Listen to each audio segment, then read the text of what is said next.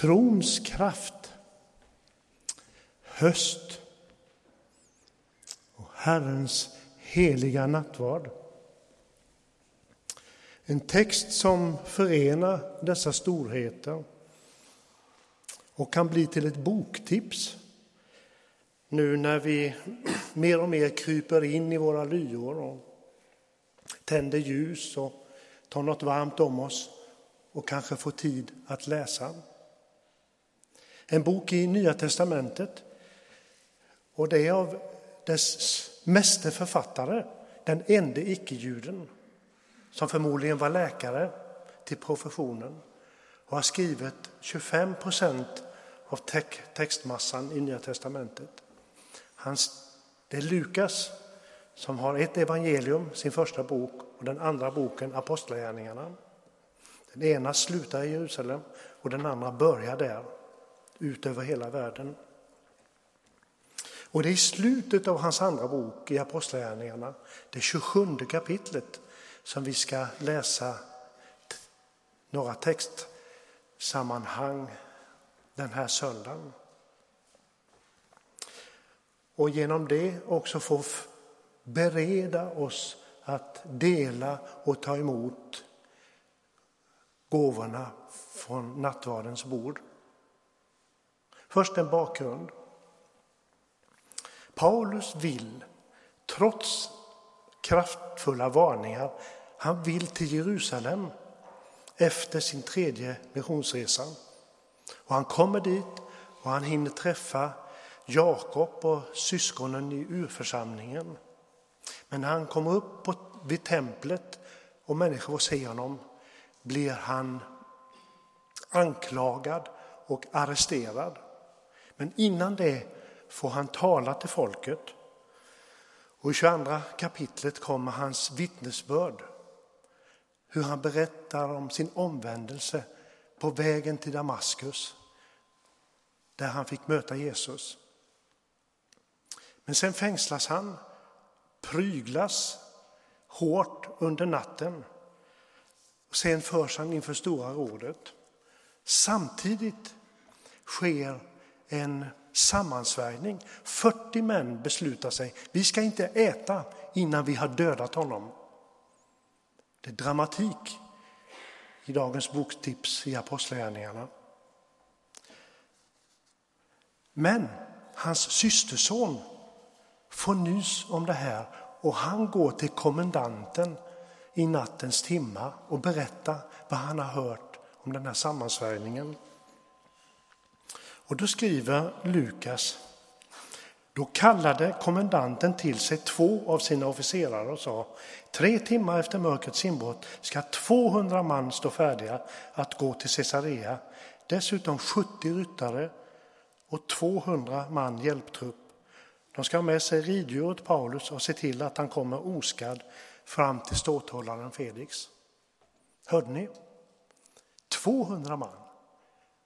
70 eh, ryttare och 200 hjälptrupp. 470 man ska skydda och föra Paulus ner till Caesarea vid Medelhavet.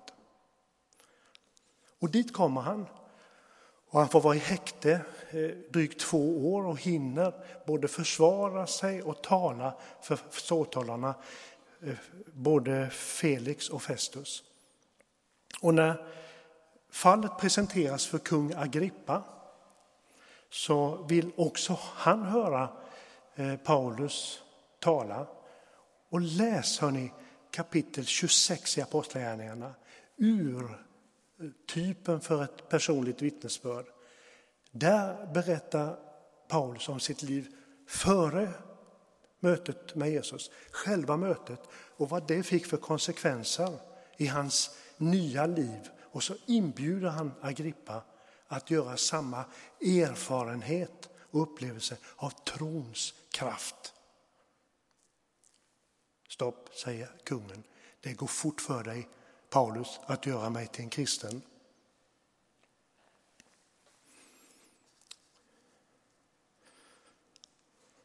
Och nu är vi då framme vid kapitel 27.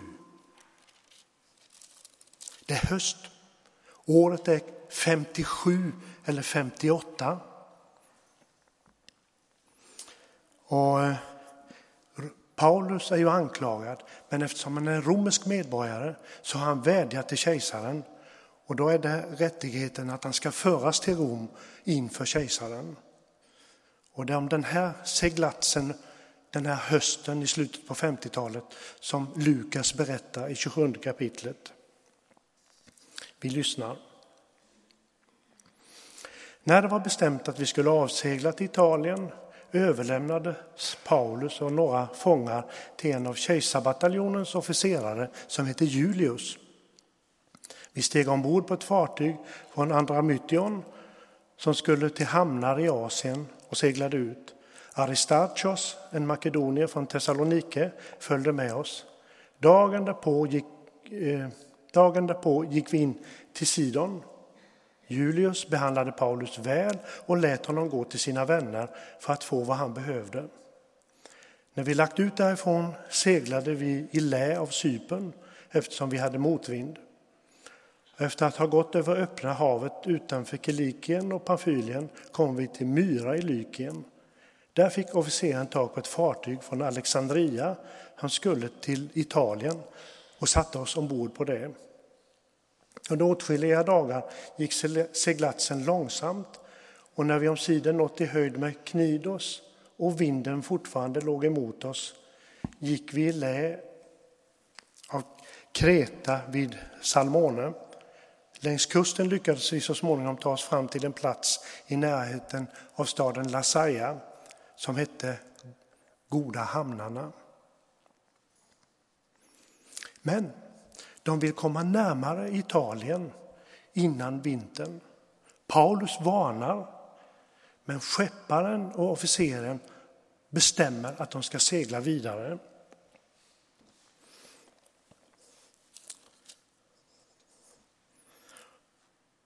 Och då står, skriver Lukas lite längre fram de lättade ankar och följde Kretas kust. Men det dröjde inte länge förrän en våldsam storm, den så kallade nordosten, svepte ner från land. Fartyget fångades av den och kunde inte hålla upp emot vinden utan vi föll av och länsade undan för den. Vi kom i lä av en liten ö som heter Kauda och lyckades där med nöd och näppe bärga skeppsbåten. Sedan den tagits ombord stagade om fartyget som en säkerhetsåtgärd. De var rädda för att de skulle driva upp på Syrtenbankarna och därför sänkte de rån och seglade vidare så. Då vi var svårt ansatta av stormen gjorde de sig nästa dag av med en del av lasten och på tredje dagen vräkte de med egna händer allt löst över bord. Varken sol eller måne visade sig på flera dygn och stormen låg hårt på. Till slut förlorade vi allt hopp om räddning. Men Paulus får änglabesök och löfte om att ingen ska gå under. Och därför ska vi läsa ytterligare några verser och vi reser oss upp och lyssnar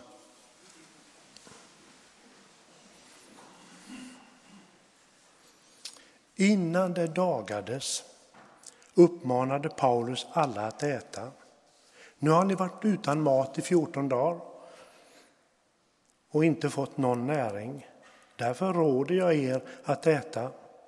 Det behöver ni för att kunna klara er. Ingen av er ska nämligen mista så mycket som ett hårstrå. Sedan tog han ett bröd tackade Gud inför dem alla, bröt det och började äta. Då repade alla mod och intog föda. Allt som allt var vi 276 personer ombord.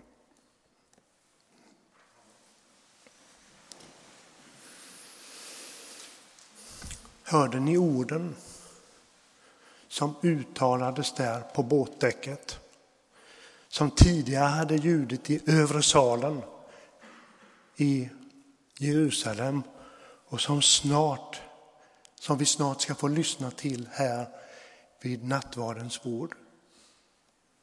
Han tog ett bröd. Han tackade Gud, han bröt det och gav. Fyra ord som sammanfattar hela nattvardens liturgi. Ja, fyra ord som skulle kunna bli ett livsmönster för oss alla. Något att hålla sig till och leva efter.